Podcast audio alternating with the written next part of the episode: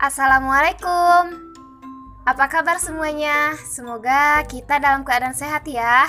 Untuk yang beraktivitas di luar, jangan lupa 3M-nya, menggunakan masker, mencuci tangan, dan menjaga jarak. Oke teman-teman, perkenalkan nama saya Iis Nuseptiani. Saya salah satu mahasiswi Universitas Islam Nusantara, Fakultas Keguruan dan Ilmu Pendidikan, Prodi Pendidikan Luar Biasa.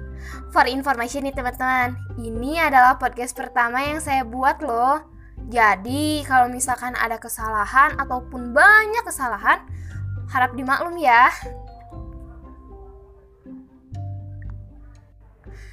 Di sini saya mengangkat tema ABK dengan judul ABK adalah aset negara. Kedengarannya agak politikus banget ya, aset negara. Tapi Bukan itu kok maksudnya. Jadi, stay tune ya. Sebelumnya pasti ada yang belum tahu ya, apa sih arti dari ABK atau mungkin apa pengertian aset itu sendiri? Menurut KBBI, aset merupakan kekayaan berupa uang atau wujud yang lainnya. Nah, bisa berupa uang, pulau, sumber daya manusia, ataupun yang lainnya. Selanjutnya, untuk pengertian dari ABK itu sendiri, ABK atau anak berkebutuhan khusus adalah anak yang mengalami hambatan perkembangan akibat dari kebutuhan khusus tertentu, baik yang bersifat temporer maupun bersifat permanen. Maksud dari mengalami hambatan perkembangan di sini, jadi misalkan ada anak umur 2 tahun nih. Nah, dibandingkan dengan anak 2 tahun pada umumnya itu harusnya sudah bisa berbicara satu ataupun dua patah kata. Akan tetapi anak yang ini belum bisa menyebutkan hal itu karena adanya kebutuhan khusus tertentu yang menghambatnya teman-teman. Adapun jenis anak berkebutuhan khusus di antaranya ada tunarungu. Pasti kalian tidak asing ya dengan istilah tunarungu. Pasti kalian sudah mendengar dari YouTube, TV, atau kalian bahkan mungkin pernah membaca artikel yang memuat tentang tunarungu. Nah, tunarungu adalah seseorang yang memiliki hambatan dalam fungsi pendengarannya Kondisi ini biasanya berlangsung sementara atau bisa juga berlangsung secara permanen. Kalian pasti tahu ya, Surya Sahetapi. Surya Sahetapi adalah aktivis tunarungu, penerjemah bahasa isyarat, dan aktor asal Indonesia.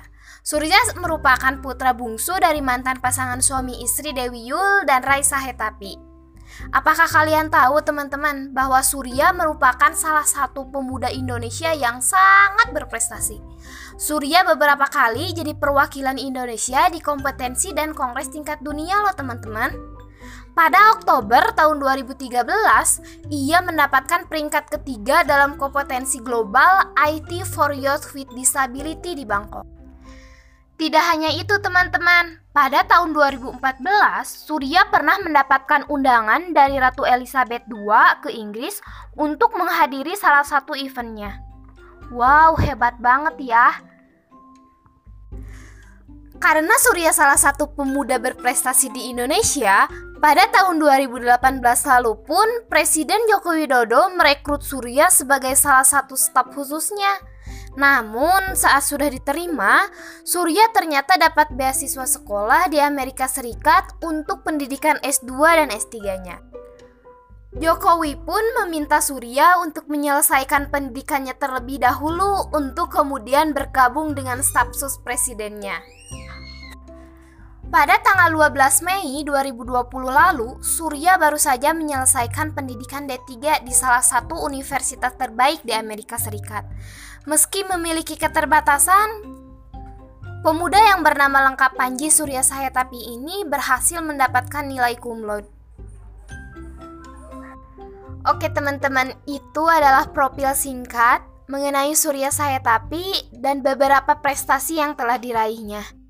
Jika melihat prestasi-prestasi yang telah diraih oleh Surya, betapa tidak percayanya ya kita bahwa Surya adalah seseorang yang memiliki hambatan dalam fungsi pendengarannya atau bisa disebut juga dengan tunarungu.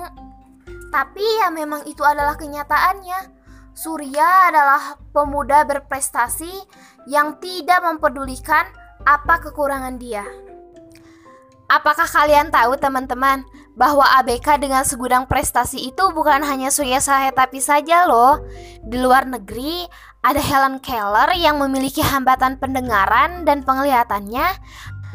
Akan tetapi, dia mampu menjadi seorang penulis yang terkenal, menjadi aktivis pembela disabilitas, hingga menjadi dosen dan memiliki banyak yayasan, termasuk salah satunya ada di Indonesia juga loh teman-teman. Jika berbicara pemuda-pemuda berprestasi seperti Surya ini, saya jadi keingat kata-kata Bung Karno. Beri aku seribu orang tua, niscaya akan kucabut semeru dari akarnya. Beri aku sepuluh pemuda, niscaya akan kuguncang dunia.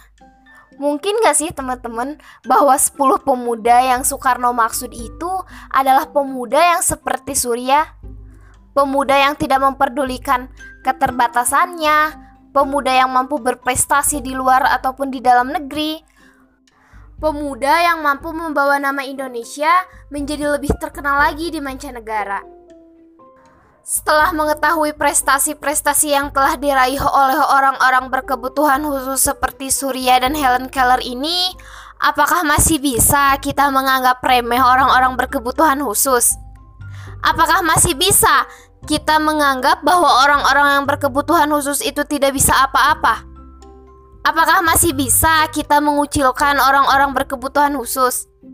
Sebenarnya dengan kemajuan teknologi seperti sekarang ini sudah tidak sepantasnya kita menganggap remeh orang-orang berkebutuhan khusus, apalagi mengucilkannya.